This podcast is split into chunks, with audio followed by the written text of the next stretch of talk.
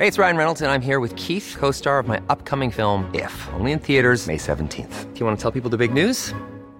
All right, I'll do it. Sign up now and you'll get unlimited for $15 a month in six months of Paramount Plus Essential Plan on us. Mintmobile.com slash switch. Upfront payment of $45 equivalent to $15 per month. Unlimited over 40 gigabytes per month. Face lower speeds. Videos at 480p. Active Mint customers by 531.24 get six months of Paramount Plus Essential Plan. Auto renews after six months. Offer ends May 31st, 2024. Separate Paramount Plus registration required. Terms and conditions apply if rated PG. It's that time of the year. Your vacation is coming up. You can already hear the beach waves, feel the warm breeze, relax, and think about work. You really, really want it all to work out while you're away. Monday.com gives you and the team that peace of mind. When all work is on one platform and everyone's in sync, things just flow wherever you are. Tap the banner to go to Monday.com.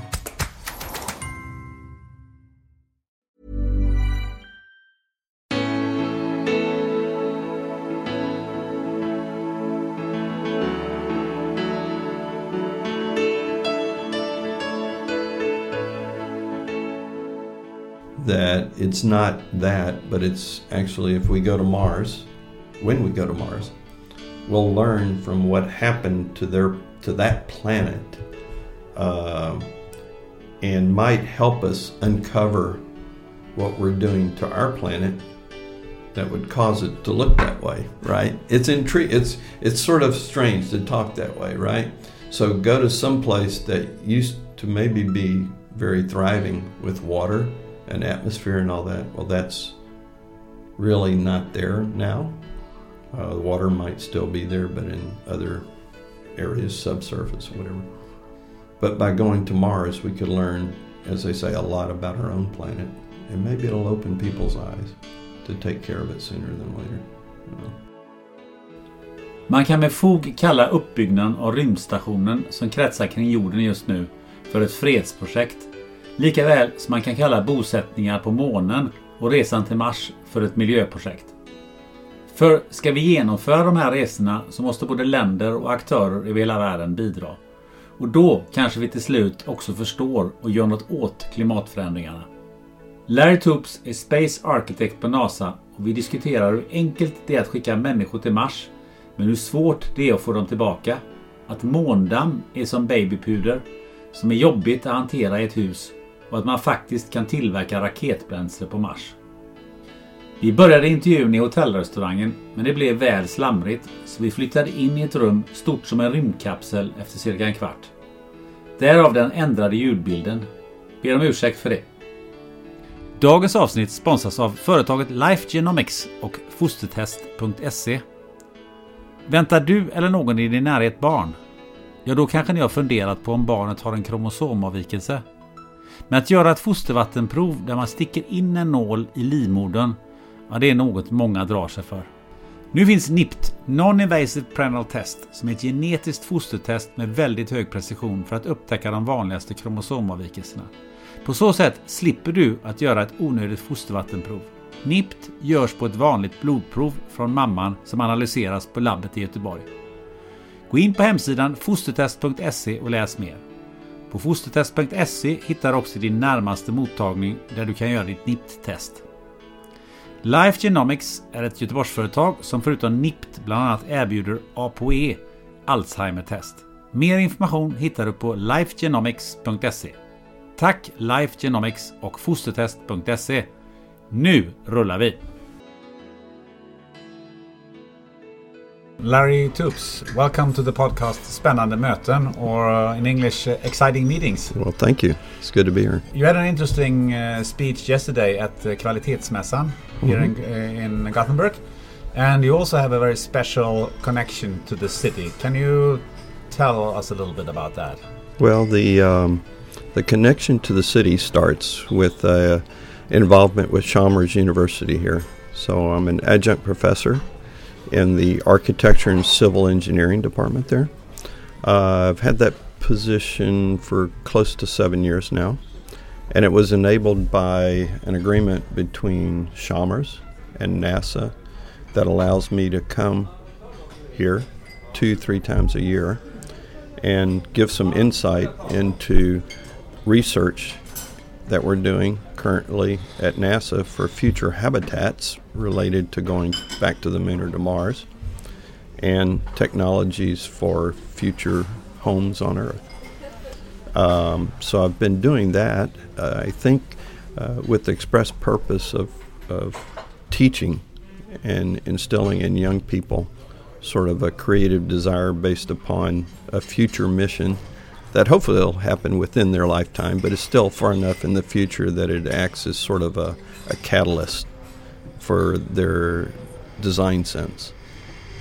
And uh, you also have uh, visited an, another guest that uh, we had in the podcast, and that is uh, Niklas Wennberg at Stadsjord. Oh, yeah, Uh, Niklas, yeah, the aquaponic expert to, who grows uh, fishes and uh, Mhm. salad in the middle of the, the city. Yes, yes. Uh, and another special connection is that is uh, through Cecilia Hertz, mm-hmm.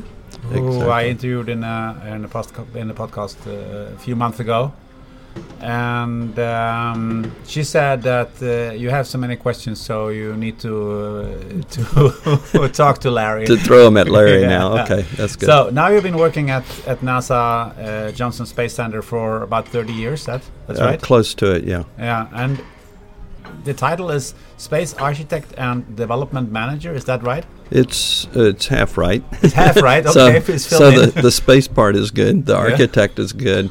Uh, developer, I'm not sure about, but it's uh, but the idea behind behind titles is a little deceiving sometimes, uh, particularly at NASA because we do so many things.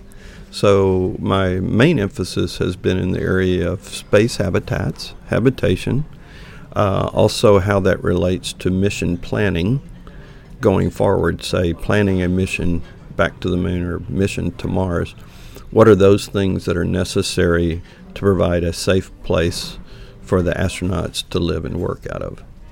So that's a very long uh, title. So I think space architect is probably just fine for now. Uh, but Yeah. could, could you tell us a little bit more about, um, on a high level, what what uh, are your tasks? What do what are you doing uh, in your everyday work at NASA? Well, th- my my current responsibilities have included the last few years. I've been a technical monitor for five contracts that we've had with five different contractors: uh, Lockheed, Boeing, uh, Sierra Nevada, uh, Northrop Grumman, and Bigelow Aerospace. And within those efforts, they've all been looking at independent concepts for future habitats beyond what we have currently on the International Space Station.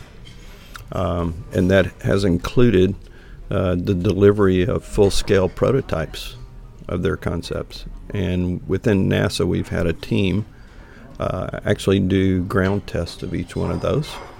And within those ground tests, we have uh, four astronauts who actually simulate like living out of one of these for like three days. It's not that they stay overnight, but they do all those kind of tasks they would do on a future mission within a habitat in there. And as NASA, we've been able to evaluate sort of the good and the bad of each one of those five different concepts, um, all dealing with with a very unique approach in every case to how they would provide that habitat. In the case of Bigelow, uh, and actually Sierra Nevada, they're inflatables, which are a new thing, right? Um, in the case of a few of the others, it's more of a traditional approach with the hard shell modules that you've seen for space station. Um, so that's been my current uh, duties. I'm I'm actually starting to get a little bit involved uh, in our planning for the lunar surface return, uh, and uh, both of those areas just keep me excited and busy. I can imagine that. um, there is a NASA uh, statement saying the United States will lead the return of humans to the moon for long term exploration and utilization, followed by Mars and other destinations. And it also says that um, uh, the goal is to explore and uh, develop space. So, could you give us an idea what this is about and um, why NASA did make this statement. Yeah. So, you know, having policy statements and things like that are important because they keep you sort of focused on uh, the job ahead or the destination ahead. So, at the moment, um, the focus is on a return to the moon, followed by that enabling a future mission to Mars. So, again, as you might expect, it's a stepwise approach. It's not a, uh, a quick mission and you're done. It's meant to be sustainable over time. So, right now, the current approach is that uh, what we call Artemis. Um, and within the Artemis program, there's the Orion uh, capsule for crew to get people from Earth to what we call a, a gateway, which is another part of the Artemis program. It's again meant to be a platform to have a, a sort of a build-up over time uh, that orbits in an elliptical way uh, the moon, uh, but you're able to attain uh, connecting with the gateway from a direct launch from Earth. Um, so from this gateway, this acts as a stepping stone for crews then to go down to the surface in a lander, similar to what we did in Apollo. The important difference is that that crew then returns to Gateway and then subsequently we return to Earth. So, um, how it fits into the big picture is that by doing these missions to the moon, first with an initial human landing by right now the goal is within 2024 but following that, actual missions after that will establish what I would like to refer to as a field station, a little similar to what you have in Antarctica.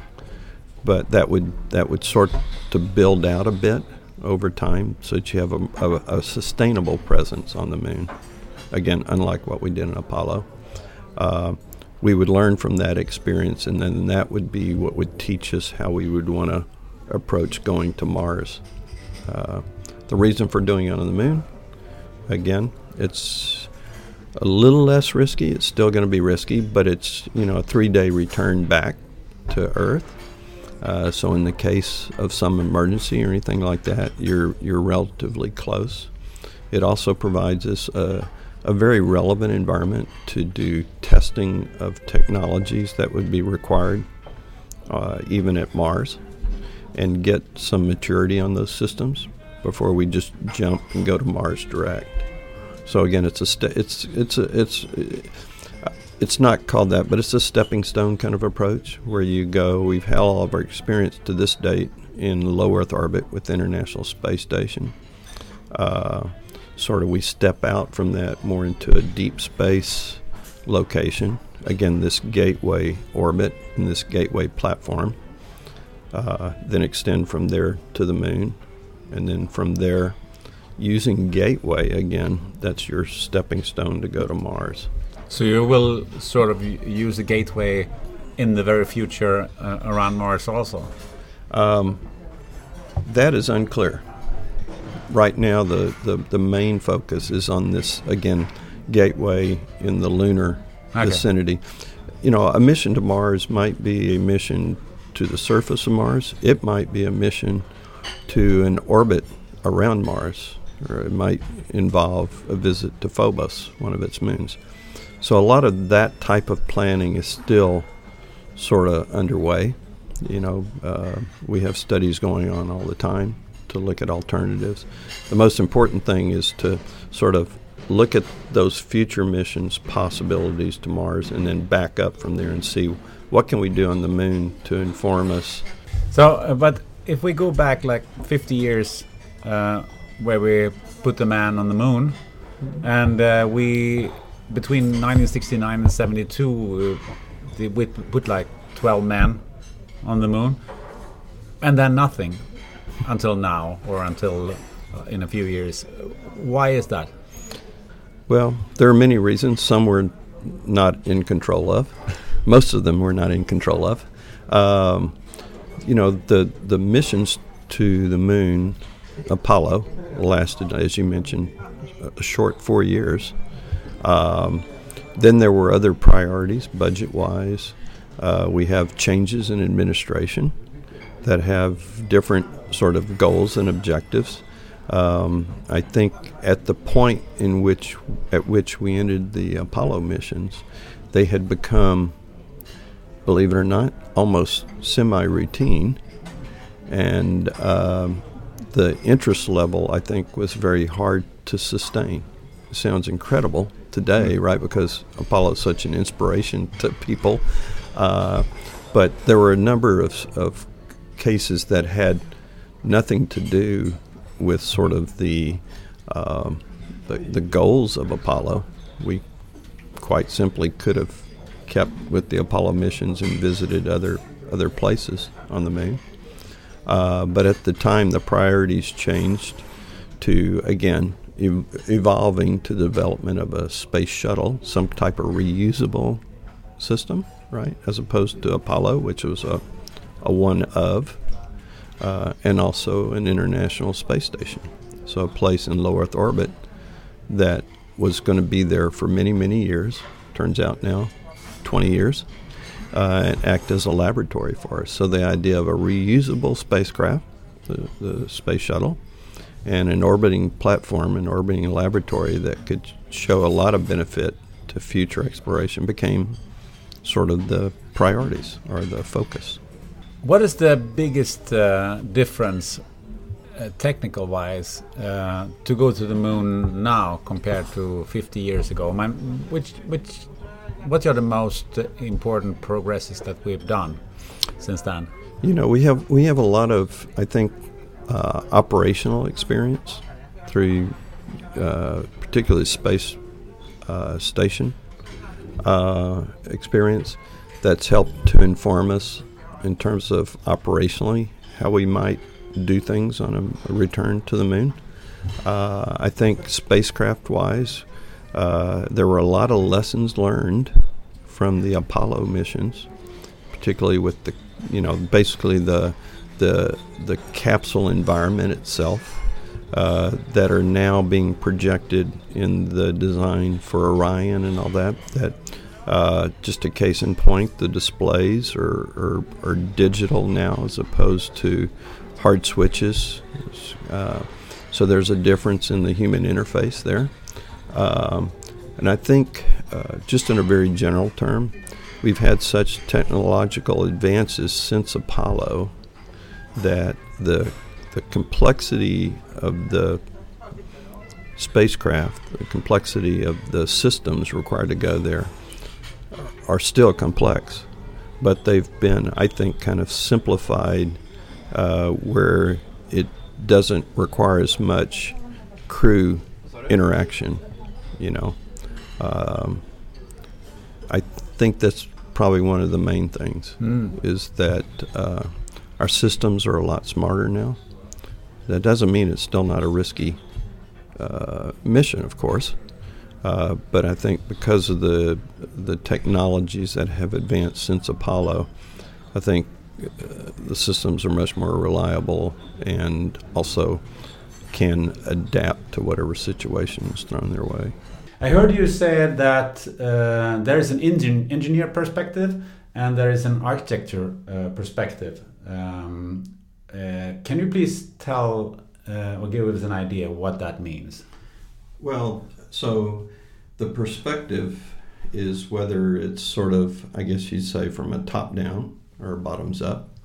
So, from a top down perspective, I think the idea of architecture, uh, the perspective of an architect, uh, is valuable because you look at things sort of on an overall global scale at that. Uh, all the complexities that are needed in conducting, say, a mission to the surface of Mars, uh, everything that's required, setting up a, a, field station, say, on the surface of the moon.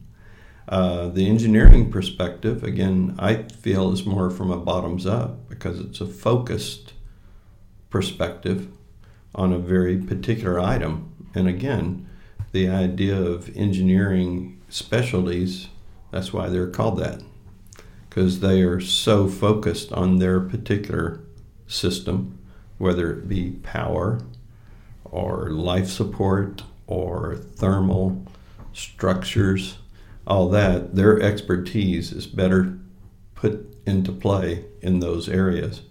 However, you still need, I feel, the top level architecture perspective to sort of orchestrate all that. The use of the word architecture uh, has actually a few meanings within aerospace. Uh, our traditional right definition is similar to the way we use architecture for an earth-based situation right? The architect is the one who designs that house or designs that building. So within space we still have that in terms of an architecture that looks at the design of say a habitat itself. But the additional definition for architecture is someone who looks at the the sort of the overall systems that includes habitats, power systems, uh, rovers, those things, so that the idea of an open architecture is in that definition. And within that definition, the way that you explained it, if it's left open, in other words, that it's meant to accommodate and provide certain capabilities that are required for these future missions, but you don't define who or what provides that. It leaves that open so that it could be a commercial provider. It could be a, uh, sort of an international partner. It could be, you know, some someone designing something that's actually able to fit within that open architecture, which to me, if you want to make it even simpler, is that it provides common interfaces within sort of the, the, the, the vehicle that allows you to take, say, as an example, maybe a core module that provides habitation. Well, connected to that might be another module that provides capability to do spacewalks and airlock. There might be an interface for something to attach to it that, say, is the lander piece that attaches, the crew gets in and then goes down to the surface, right, and back, like we described with Gateway. All those interfaces, all those points are defined with a common set of standards, a common set of interfaces, so that it allows an openness to whoever provides what connects to that. They just have to accommodate that interface. I hope that's not too complex no, an answer, but, but does that send you the okay? So, uh, but that is necessary to to make these complex uh, missions because uh, before like the Apollo, I, I presume that it, that was a NASA thing, and, and you developed everything by yourself. Right. And now you're sort of opening it up and and and tell the world, uh, the rest of the world, to to integrate with you and and and uh, uh, and do their part of this of these missions. Yeah, and the way you describe it is good because again, Apollo was a direct mission to the surface. It included all the elements involved in the architecture of the mission were provided by the U.S. Fast forward, you have International Space Station. We have a number of partners who have worked for many years to develop and then actually build the International Space Station. Uh, that was sort of a learning experience over the last 10 years or so, we have providers such as SpaceX, such as uh, the Cygnus coming up, the Soyuz docking to ISS. So those interfaces started the look at what we would call a more open approach. It wasn't planned for that initially, right? Space Station was designed as a completed unit. This is Space Station, right? There were components provided by Russia, by the U.S., by European Space Agency, by JAXA, all that, but it was all pre-planned and assembled that way.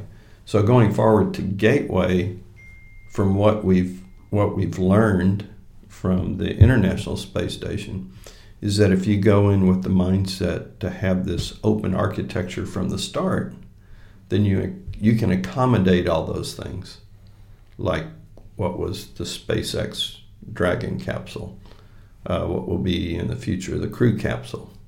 Uh, again, allowing that to happen from the very start, because in station it happened over time. We never designed well. People probably had it in the back of their mind we would have this happen, but from the start, space station was designed as an entity to itself.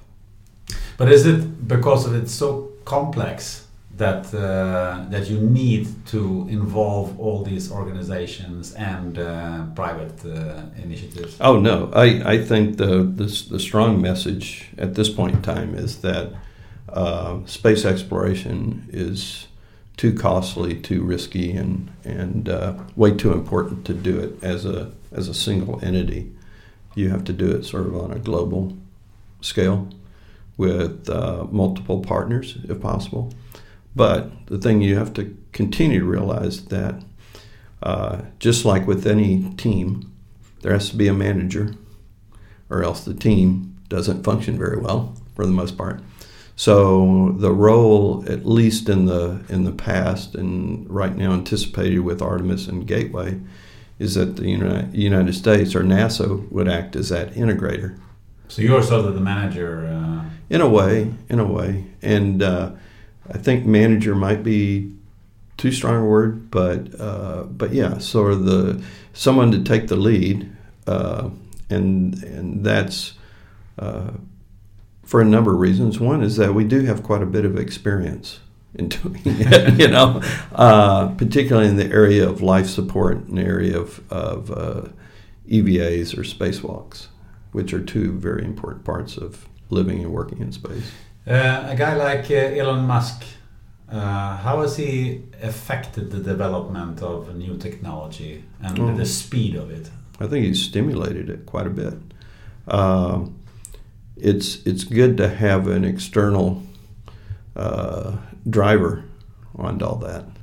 Not only for uh, NASA and other space agencies, but also within the, the private sector.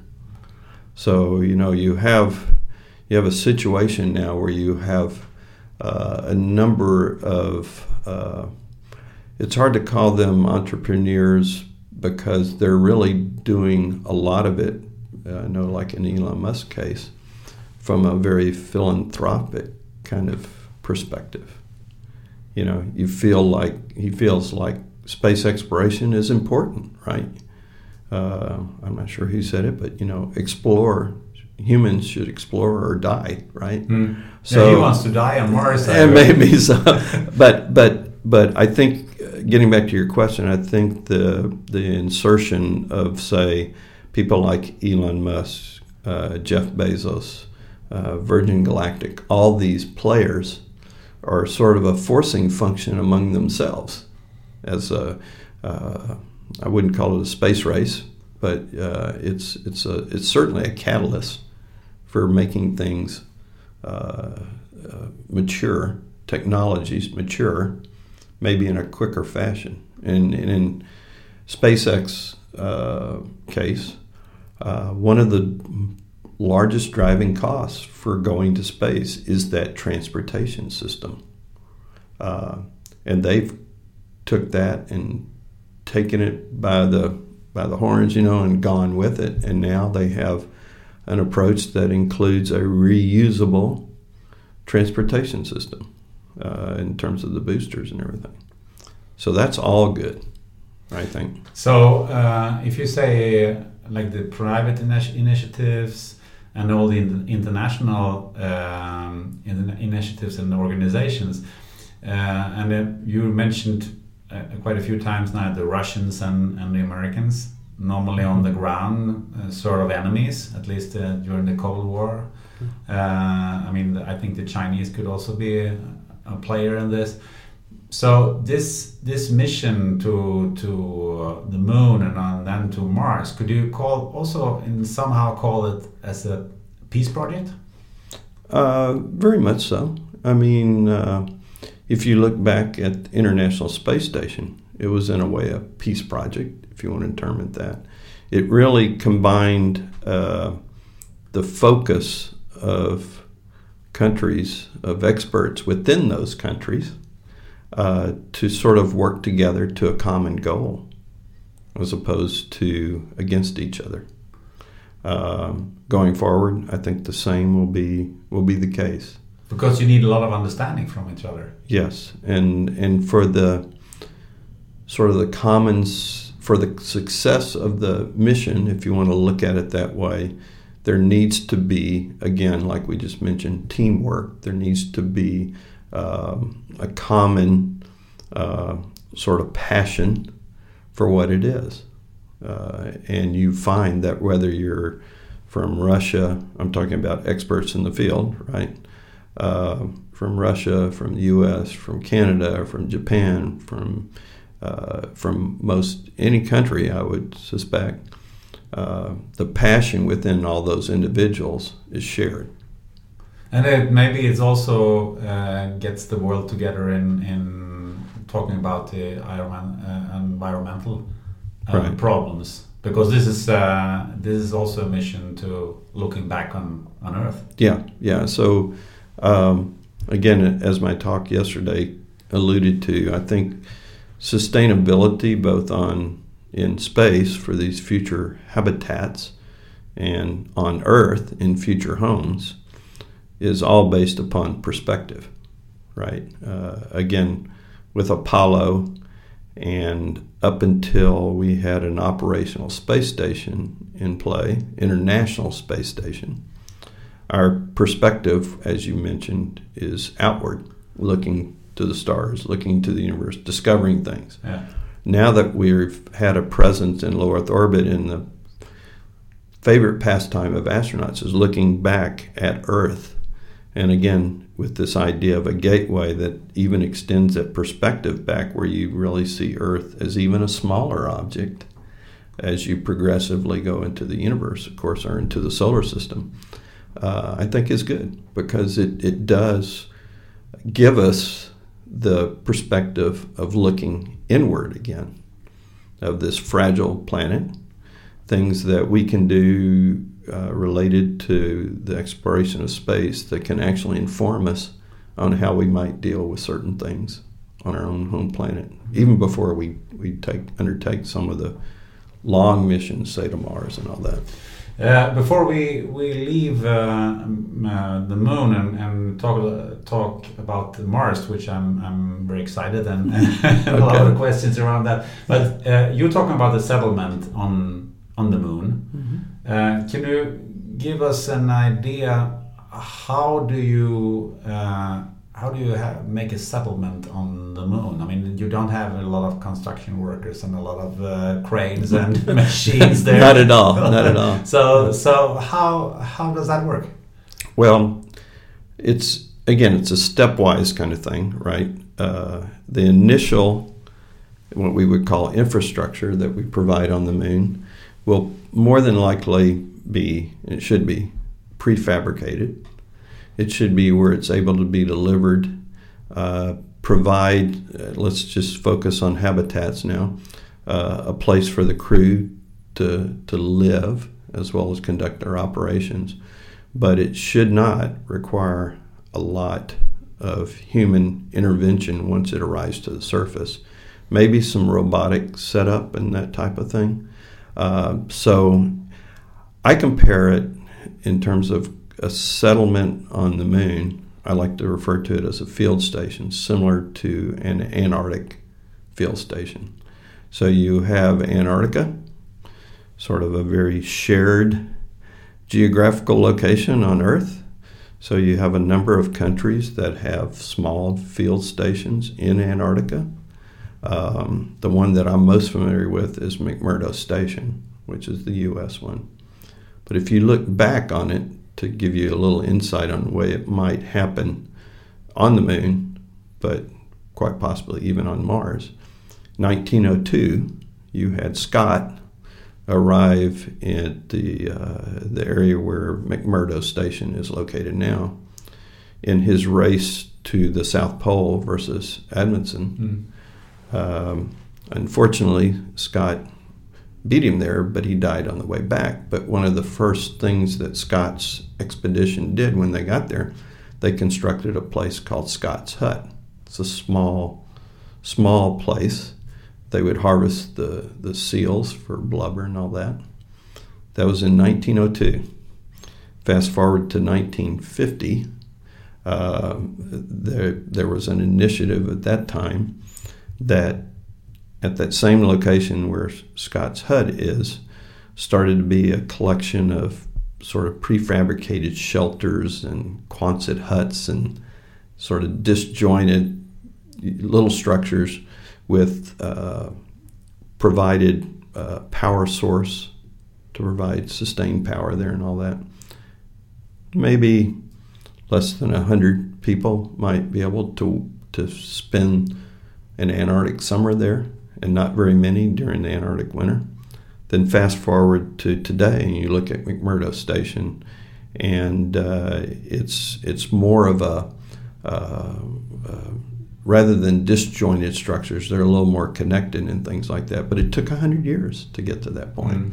So, getting back to your original question, I think uh, the first, quote, settlement on the moon will be a very gradual process, and it'll probably involve just setting those things up for uh, infrastructure, say things like a reliable power, reliable communications, a safe place to live and do research.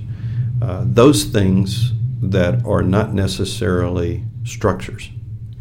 Then from there, you're going to allow not only NASA, but commercial and international, even educational uh, entities to come and use that field station on the moon. So I, it's wonderful to see these renderings, these paintings of future moon colonies and all that. That's okay. Still have that in your mind. But I, I feel like the initial uh, emplacement on the lunar surface is going to be more of, again, a field station that we see in Antarctica kind of thing.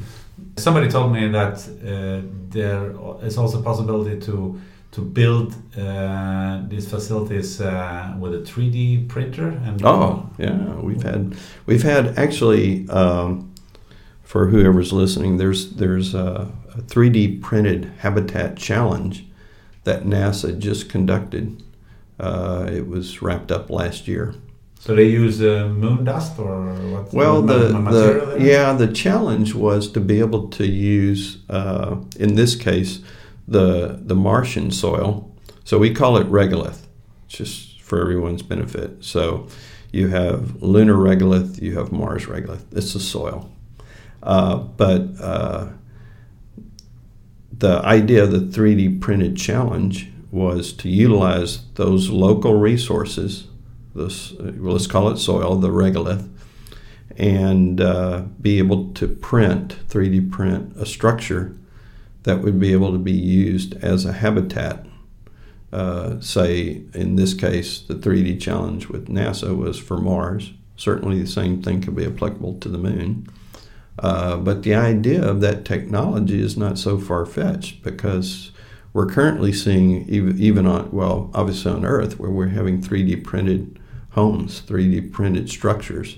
Uh, so the notion of having something that's sort of robotically controlled, but then doing, as you would say, a construction method, uh, is is fairly easy to imagine happening, and that could be part of this lunar uh, settlement that you call it. So learning how to do that on the moon, and then if we go to Mars, being able to apply it there. Mm, interesting.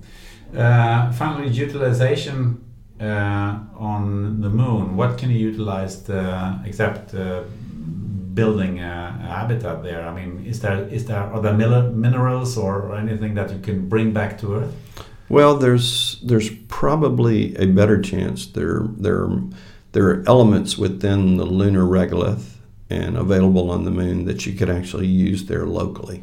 I think that's the primary thing, because anytime you can, as they say, live off the land with in situ resources and utilization of those things, it's it's it's very beneficial to the to the idea of getting people there uh, because you want to cut down mass and everything else. So within the moon, the area we have targeted at the moment is the South Pole region, where the uniqueness about the South Pole is that you have these permanently sh- uh, shadowed craters, which speculation is that they they have basically a water ice Yeah, that, was- that, was my next question. Is yeah. water? Okay. So so it's there. Challenge is how do you how do you how do you basically recover that and actually beneficiate that? In other words, get that water into a usable situation uh, there.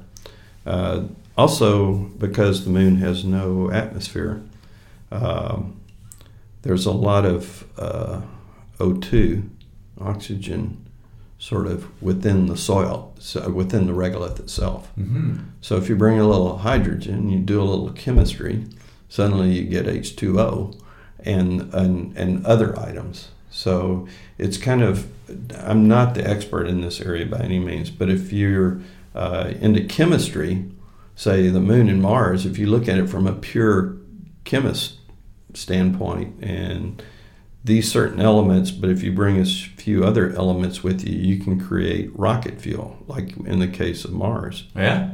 uh, utilizing the atmosphere, or in the case of the lunar surface, uh, creating propellant, creating, uh, uh, like you said, uh, usable stash of water.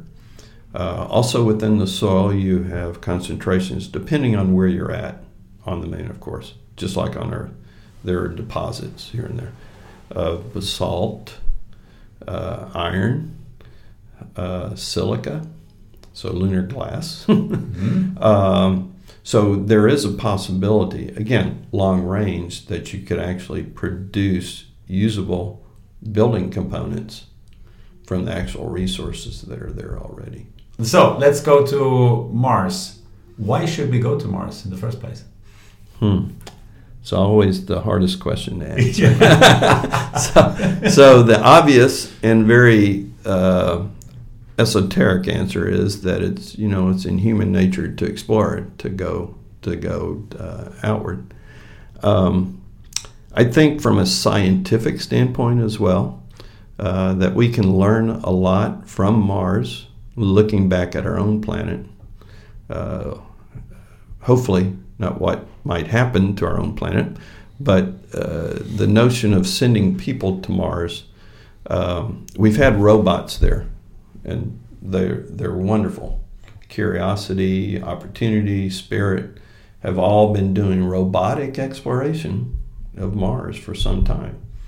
Uh, the challenge you have by doing exploration just robotically, one, it takes many, many years to go and, and really explore the planet. Uh, robots, at least now, up until now, don't have what I would call, what we call deductive reasoning. So by having people go to Mars to, to sort of enhance the exploration that's already been done by robots, uh, I think could be significant in terms of what we might learn, what we might uncover. Um, I think the idea of also going to Mars to learn how to live off our existing planet uh, might be beneficial going forward. Um, so there's no one clear cut reason. Uh, it's sort of like a combination of answers that are probably together not adequate enough to do the explanation why. But I think it's it's just the logical progression in sort of humanity's view of exploring beyond our planet, which we've already, right, we've done already. So now you have decided to go to Mars. So what are the biggest challenges in going to Mars? So I think technically, Ever catch yourself eating the same flavorless dinner three days in a row? Dreaming of something better? Well, HelloFresh is your guilt free dream come true, baby. It's me, Keke Palmer. Let's wake up those taste buds with hot, juicy pecan crusted chicken or garlic butter shrimp scampi. Mm. Hello Fresh. Stop dreaming of all the delicious possibilities and dig in at HelloFresh.com. Let's get this dinner party started. When you're ready to pop the question, the last thing you want to do is second guess the ring. At Bluenile.com, you can design a one of a kind ring with the ease and convenience of shopping online. Choose your diamond and setting. When you find the one, you'll get it delivered right to your door. Go to Bluenile.com and use promo code LISTEN to get $50 off your purchase of $500 or more. That's code LISTEN at Bluenile.com for $50 off your purchase. Bluenile.com code LISTEN. One size fits all seems like a good idea for clothes until you try them on. Same goes for healthcare. That's why United Healthcare offers flexible, budget friendly coverage for medical, vision, dental, and more. Learn more at uh1.com. we could we could go to Mars with technologies that we have, maybe enhanced a little bit. Uh, again, my personal opinion, the largest challenge is exactly what we just talked about: sending that pink fleshy stuff. You know, the humans there, the metabolic loads. How do you deal with that? The psychological stressors that are involved in that type of mission are things that we normally in a lot of cases we have uh, you know we have people at, at, at uh, nasa that that is their focus on the psychological aspects of a future mission like this i think the challenge is the people themselves right? And also the largest challenge technically is you mentioned going to mars. There's we have to bring them back too make sure they get back safe. Uh, that's that's introduces a lot of the, the the challenges that again sending a robot to Mars you don't deal with right? You deliver the robot there the rover they're there you don't necessarily you, you're you're not planning to bring the robot back No. people would tend to bring them back for sure Uh, and there is also it takes a long time to to go there, and uh, and you you have to stay there. Uh, I've read that you have to stay there like eighteen months to to uh, to go back again because of uh, the the the movement of the of Mars and uh, and the Earth. Is that right? Can you explain a little No, bit? about you've that? done good research. Yes. Yeah. Yeah. So the mission there, the mission on the surface, and the return mission will quite probably take three three years. Three least. years. Three years total. So um, a lot of it is based upon the complexity of sort of the orbital mechanics that are in play, right? Because you only have certain opportunities if you launch from Earth to actually rendezvous with Mars. And they don't come around that often. It's not like, okay, if, if we don't launch today to go to, to, to get the crew up to go to Mars, um, we can launch next week.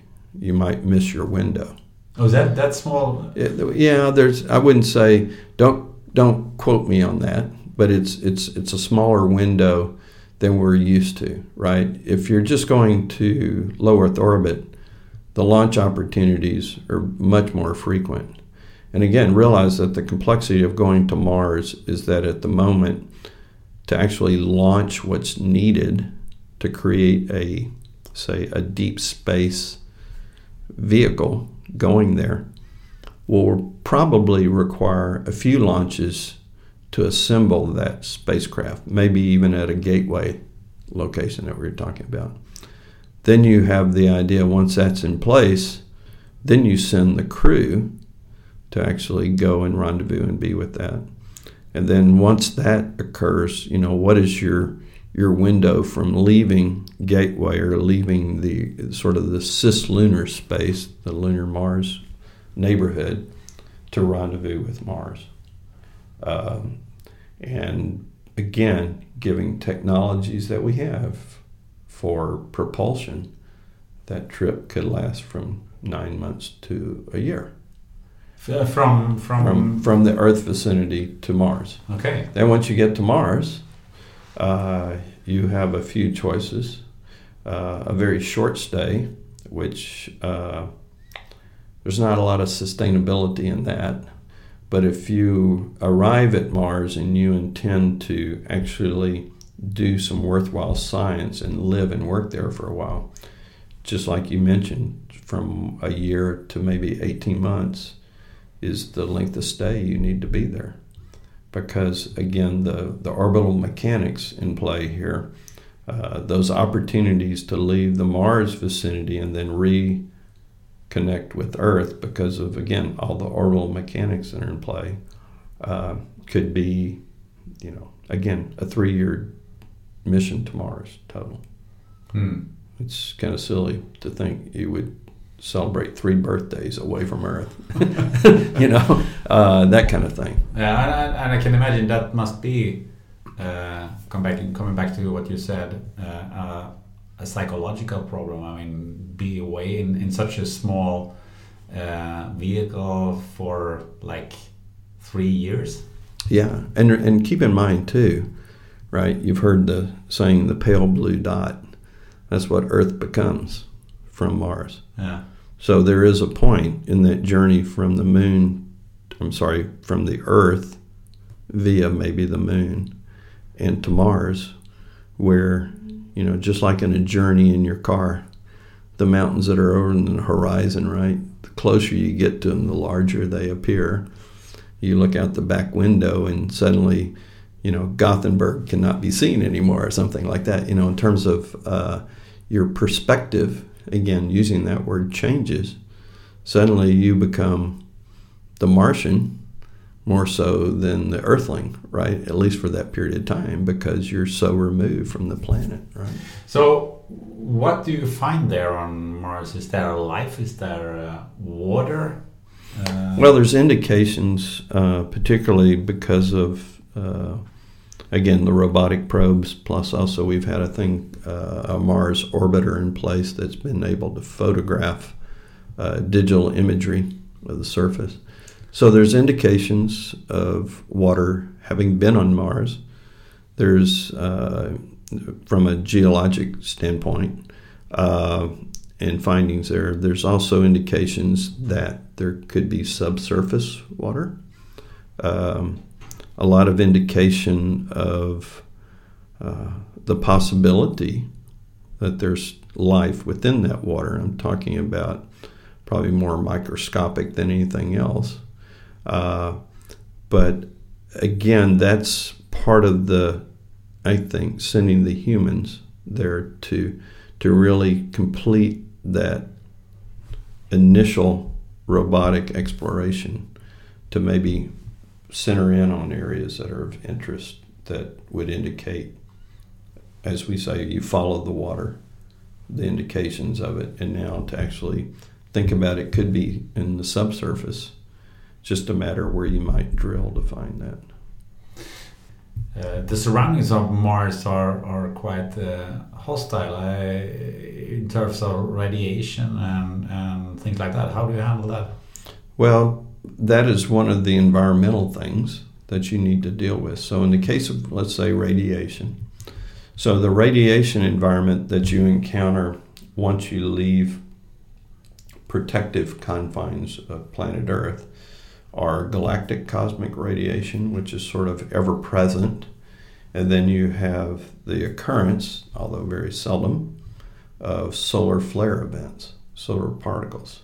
They're quite dangerous. huh? They're dangerous, yeah. Uh, so what you have to deal with with the design of where you're going to have astronauts living is that you reduce their exposure to both of those. In the case of galactic cosmic radiation, uh, the design of the habitat, the design of the place where they live and work, actually has a lot to do with eliminating that galactic cosmic radiation. In the case of a solar flare event, um, you'll more than likely provide within the habitat what I would call a safe haven. So, given enough warning that some of this solar flare event particles are coming your way, you would have an area in the habitat where the crew could go and, in essence, shelter in place. So they would provide, there'd be an area that would provide additional mass that would block that type of radiation out that's even greater than the general that I was talking about. And you'd also provide food and water and things like that, so they could be there as much as maybe four days. So uh, that's that's one of those considerations in designing a space habitat for uh, the moon or Mars that you have to think about. Uh, that that's uh, space radiation. Uh, some of the other things you need to guard against is keeping your habitat clean, because in the case of, of spacewalks, they're, they're, we have a lot of experience doing those in zero gravity on the International Space Station. Yeah. But you can see by looking at the old footage from Apollo how dusty that environment is if you're walking around on the surface. It's, it's uh, I like to compare the, the regolith on the moon to sort of an abrasive baby powder. It gets into everything, Uh-huh. you know. So you have to be very cautious to keep that isolated outside of your living space. Hmm. Um, and what about uh, the food? Uh, I mean, I, I talked to Vic, uh, Vickie Kloeris uh, about that, but um, that must be must be a challenge uh, when you go to Mars. I mean, you are away like at least three years, uh, and you need to carry a lot of food and also a lot of fuel. How do you how do you how do you manage that? Well, let's talk about the food, right? Yeah. So the idea of growing your own food, I think, will be a key part of, say, this mission to Mars. Um, and again, talking to Vickie, I mean, they have developed uh, a pretty sustainable food system, but it's pre-packaged. Uh, there's not a lot of, say, uh, variety to it sometimes. Uh, so the idea of, of growing growing things within your habitat or once you've arrived at your destination, whether it be on the moon or Mars, is going to be an important part. It's going to it's going to provide some of the nutritional value, some of the variety that's needed uh, to sustain the crew members. Um, it also becomes more of a, a part of the, the overall life support system. Currently on space station, we recycle water to about 96%. Uh, we revitalize the air. So going forward, we'll probably have more of what we call a bioregenerative life support system. So not only will we have the capability technology-wise of what we got, recycling water, revitalizing air, but then you start to introduce maybe plants, maybe even fish, uh, who knows, insects. So you get more of a, a again, a bio regenerative system, something that includes uh, parts of the ecosystem that we don't currently utilize on space station. And some of it are living, breathing plants and insects and possibly animals and fish, right? Maybe that's also something that you're going to, to test when you habitat on, on the moon. Exactly. Yeah. Exactly. Uh, coming back to the fuel, um, because what kind of fuel and how, how much fuel do you need? Do you need to carry a lot of fuel to, to get there, or how, how, how do you manage that? So if you were going to plan it with no utilization of these local resources, you're correct. You'd, you'd carry the fuel with you that would be requ- so let's take the case of going to Mars. You go to Mars, you go to the surface, you would need to come back from the surface and then come back from Mars, right, in your vehicle. Uh, all of that requires propellant if we utilize the systems as we know now for propulsion. So some of our work at the moment is looking forward to Mars Mars has an atmosphere very heavy in carbon dioxide. So again, let's play chemist chemistry set again. And if you bring the proper things with you, you can actually produce propellant out of that atmosphere that's there. And in fact, there's a, uh, a rover that we'll be sending to Mars, the 2020 rover, Mars 2020. It'll have actually a little demonstration piece on it that will actually demonstrate that process in a very small, very small scale. So when you're doing your mission planning for going to Mars, getting back to your question, our thoughts is that you could send something ahead of time, sort of like a little production plant, lands on Mars and starts cranking away, utilizing that atmosphere, producing propellant, storing it there, so that when the actual crew comes down to the surface of Mars, they utilize that fuel for their propulsion to get off the surface. And that just that that amount really does help a lot.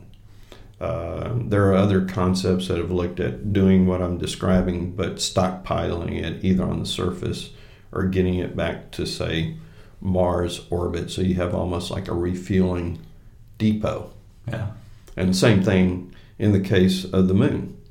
We might find that we're able to, I'm getting very into the future here, but that you could produce propellant on the surface of the moon, maybe get it from there, leave it there for refueling, or deliver it to uh, a gateway or a depot kind of thing, and that's where the refueling would happen. Mm-hmm. There's a lot of possibilities, but it's a major it's a major thing to look at because you can reduce mass significantly if you look at it in that light. Talking about the the future, um, there are a lot of guesses and uh, when do you put a man or a woman on the, on Mars? Uh, I watched uh, some a TED talk by the journalist uh, Stefan Petranek yesterday, and he said that it'd be possible to to make bricks out of soil from the ground of Mars. We already talked about that. He talks also talks about heating up Mars with giant solar sails over the poles and uh, the same does uh, Dr. Joel Levine, who is a former NASA em employee. Uh, it's like, well, soon we're going to uh, live there and it's going to look like uh, Earth. And sometimes I, when, when you hear that, you, you think, are, are these guys uh, are they um, sort of uh, eating some magic mushrooms, or, or uh, what is reality in that? because you were talking yeah. about all the challenges that that right. just to get one person there and and back, and and they are talking in that way, and also to in in addition, like guys like Elon Musk say, well, we are going to put a man on, on the moon on uh, on the on Mars. Uh, 2025 and somebody says 2027 and uh, Mm-hmm. And uh, and NASA maybe says 2040 and then the then they say well NASA is well way behind so so what's reality and mm-hmm. what is just science fiction well you know I I think uh, again there's a couple of science fictions here right so you have science fiction writers who have written for ages right about almost like a again a visionary uh, view of what the future might look like, right? Uh, uh, if, if, you look at science fiction just on its own, the writing part, it seems like Mars in the early 19, you know, the 1920s and 30s and 40s was a very hostile place, was going to, you know, consume people when they went there and the ground would open up and the aliens would attack. And then you see an involvement of as we've come to know more about Mars, or the science fiction has taken on a different perspective of what Mars might be. So that's science fiction number one. So science fiction number two, the people that you mentioned, the the, the visions and all that, uh, I think are very highly speculative, uh, but they're still visionary. So um, whether we go there. Uh, with NASA doing it uh, and other international partners in the 2030s, or whether it's Elon Musk or some other entrepreneurs doing it in 2027, or maybe the people that you mentioned, their visionary approach to me would be way out there, maybe 2040s, 50s, beyond. Uh, my personal opinion is good. It's good to have that that dialogue. When you have people quit talking about it, quit describing it, then you need to worry, right? so the science fiction versus the science fact will play itself out, I think. Uh, but if you want to envision solar sails, uh, if you want to envision uh, colonies on the surface of Mars, if you want to envision hovercraft going all over the place, that to me is okay. Um, it'll it'll be grounded when it's it'll be more grounded in engineering and physics reality when it happens. But all that can be influenced by at least this stuff still being looked at at what it could be, right? But sometimes it feels like that uh, Mars is uh, sort of an escape route for uh, for Earth and uh, the problems that we have here with climate and, and, things like that. And saying, yeah, we need Mars to escape because uh, Earth is endangered. Yeah, I hear that. Um, there's, you know, there's again, if people are talking that, that means there's some relevance to that, right? Uh, I think that's a worst case in a way. Um, I'm hoping that it's not that, but it's actually if we go to Mars, when we go to Mars, we'll learn from what happened to their to that planet, uh, and might help us uncover what we're doing to our planet that would cause it to look that way, right? It's intri- It's it's sort of strange to talk that way, right?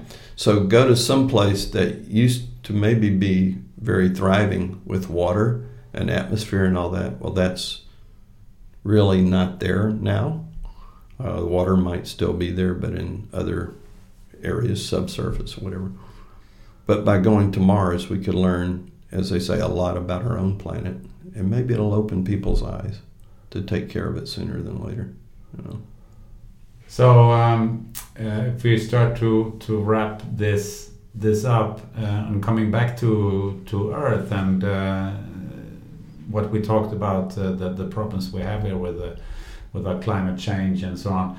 Um, what would you say would be the the most important things that we that we learn during this this uh, this mission, especially to to Mars, that we can use right away on on Earth, and that that can help us to uh, uh, to survive in the future. Yeah. So there's, to me, what we can learn. There's two two things. What we can learn as sort of uh, people. I'm talking about how how we behave, how we how we inform people that we should behave. There's the technology. So let's look at both of those. So I think the thing that we can learn from looking at these future missions and having creative, not that engineers are not creative, they are, no offense, but you have architects, you have industrial designers, you have writers, you have uh, performance artists, even.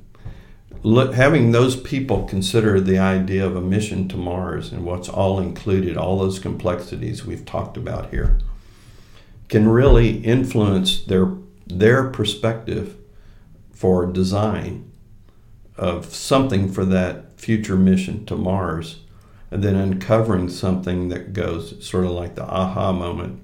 Oh, what I'm looking at here for a mission to Mars, let's say I've been looking at something that deals with, let's say, reduces that radiation uh, risk. And they go, wow, you know, there's things that we're doing on Earth now that that would actually benefit. So, way before you ever do the mission, I think, is the benefit of looking at it. So that's the people part.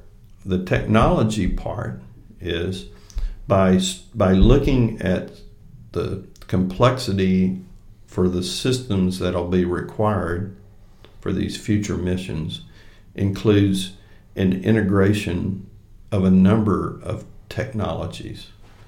Uh, we don't look at a lot of our earth based architecture that way. We have a lighting system, we have a heating, uh, ventilation system, uh, you know, we have plumbing.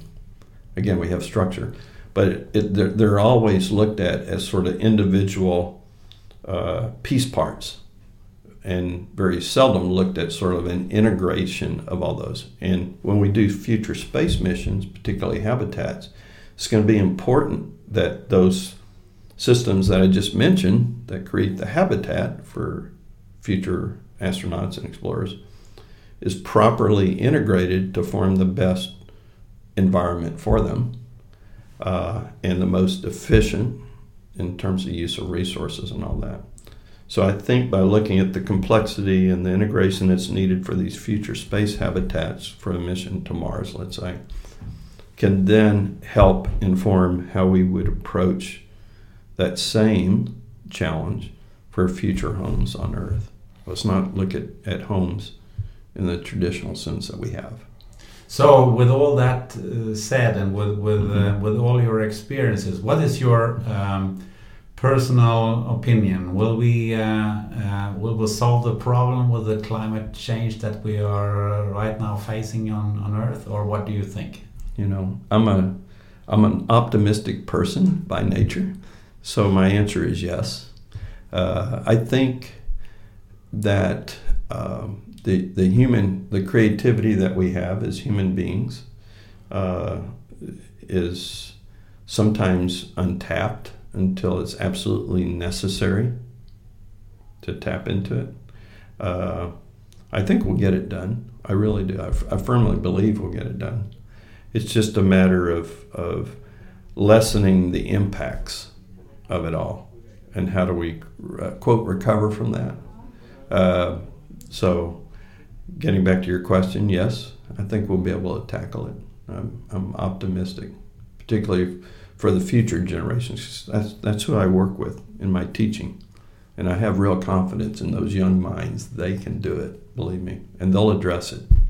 That sounds uh, very hopeful. I, I, I feel so. Yeah, that's that's a good feeling, and I think uh, this is uh, sort of the end of uh, this interview with a with a with a good feeling. Good. it's been so interesting to to talk to you, and uh, I have uh, questions, so we could sit here for uh, like the whole day. but I know you, you, are going to Chalmers. Yeah, yeah. So just to to mention, if you if somebody is more interested in these these questions, mm-hmm. is NASA.gov uh, a good place to? Well, it's to a good with? a good place to start, and it's usually descriptive enough that there are a number of links that'll take you to the right place. Perfect. Yeah. Yeah. So Larry Toups, thank you very much for uh, joining us here, and uh, thank you very much for for coming to to the podcast. It's been a, a real big pleasure. Yeah, same my part. Thank you very Thank much. You. Yeah, yeah. Jag har alltid varit fascinerad av rymden och mitt intresse blev inte svalare i och med den här intervjun. Hoppas du känner detsamma. Nästa gång så ska vi stifta bekantskap med ett av världens farligaste jobb. I 30 år har Roland Strandberg varit FN-soldat och livvakt i bland annat Afghanistan, Irak och Somalia. Det blir en berättelse om verkligheten som är väldigt långt från de politiska besluten. Missa inte det. Till dess, kura ner dig i soffan, tänd ett ljus och njut av att vi bor i ett så fredligt hörn av världen. Ha det gött!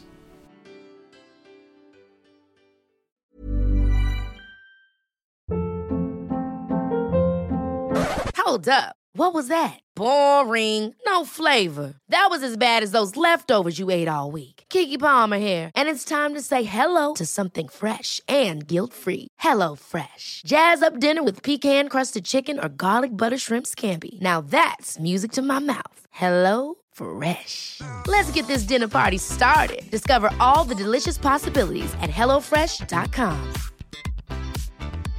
Hey, it's Paige DeSorbo from Giggly Squad. High quality fashion without the price tag. Say hello to Quince. I'm snagging high-end essentials like cozy cashmere sweaters, sleek leather jackets, fine jewelry, and so much more. With Quince being 50 to 80% less than similar brands And they partner with factories that prioritize safe, ethical, and responsible manufacturing. I love that. Luxury quality within reach. Go to quince.com slash style to get free shipping and 365 day returns on your next order. Quince.com slash style.